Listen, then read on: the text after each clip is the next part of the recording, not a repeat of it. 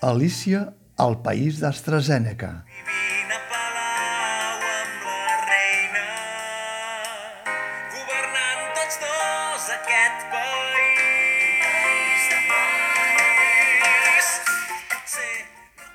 Se m'han adreçat tantes vegades preguntant si seria possible imaginar una resposta a l'endevinalla del barretaire. L'endevinalla, tal com es va inventar originalment, no tenia resposta. Això és el que diu Lewis Carroll al pròleg de la seva obra Alicia al País de les Meravelles. I això mateix és el que es pot dir també en el cas d'Alicia al País d'AstraZeneca. D'un dia per l'altre, el nom d'AstraZeneca ha passat a formar part del vocabulari popular, com si fos un conte o una aventura d'una sèrie internacional. Se'n parla a la vara del bar, al metro, a la feina, AstraZeneca, AstraZeneca, AstraZeneca. La crisi de la vacuna AstraZeneca ha posat al límit la incapacitat política en la gestió de la crisi del coronavirus. L'informe de l'Agència Europea de Medicaments, explicat en roda de premsa en directe a gairebé tota Europa, ha estat també un model de la paradoxa del que ha de ser una informació tranquil·litzadora.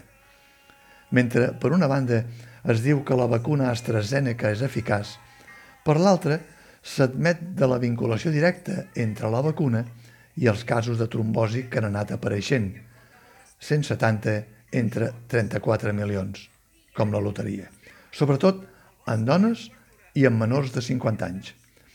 Gairebé a mitjanit, les responsables de sanitat espanyoles, les catalanes ja tenen prou feina decretant confinaments, sortien també en roda de premsa després d'una maratoniana reunió interterritorial espanyola i traien la cara, l'altra cara de l'eufòria electoralista que va mostrar el president nacionalista espanyol Pedro Sánchez el dia abans per netejar la roba bruta. AstraZeneca només, de moment, per als que tenen entre 60 i 65 anys. I la notícia ha caigut com una pedregada en aquesta generació que per Setmana Santa ja feia cues als centres de vacunació després d'haver demanat cita i d'haver estat cridada a sometent. La roda de premsa de mitjanit de la sanitat espanyola tampoc no es pot dir que hagi estat un model d'informació tranquil·litzadora. La sanitat espanyola no sap què passarà ara amb la segona dosi dels que porten ja l'AstraZeneca com a primera dosi. I els de la franja de 60 en amunt, és a dir, els de la dècada dels 70 i dels 80, es veuen ja com a principals candidats a ser vacunats amb AstraZeneca. Això és clar, sense comptar amb el canvi de planificació d'aquesta crisi i els retards que tornarà a produir, cosa que deixa en paper mullat el propòsit que a finals d'estiu hi hagi el 70% de població vacunada i, en conseqüència, esquitxa l'optimisme oportunista de derogar l'estat d'alarma a partir del 9 de maig.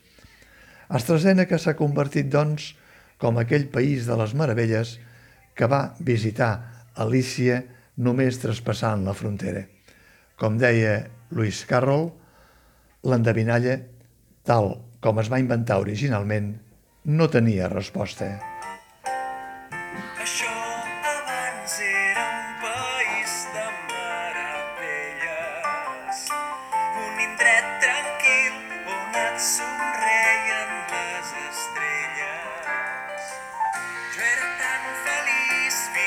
A Palau amb la reina, governant tots dos aquest país.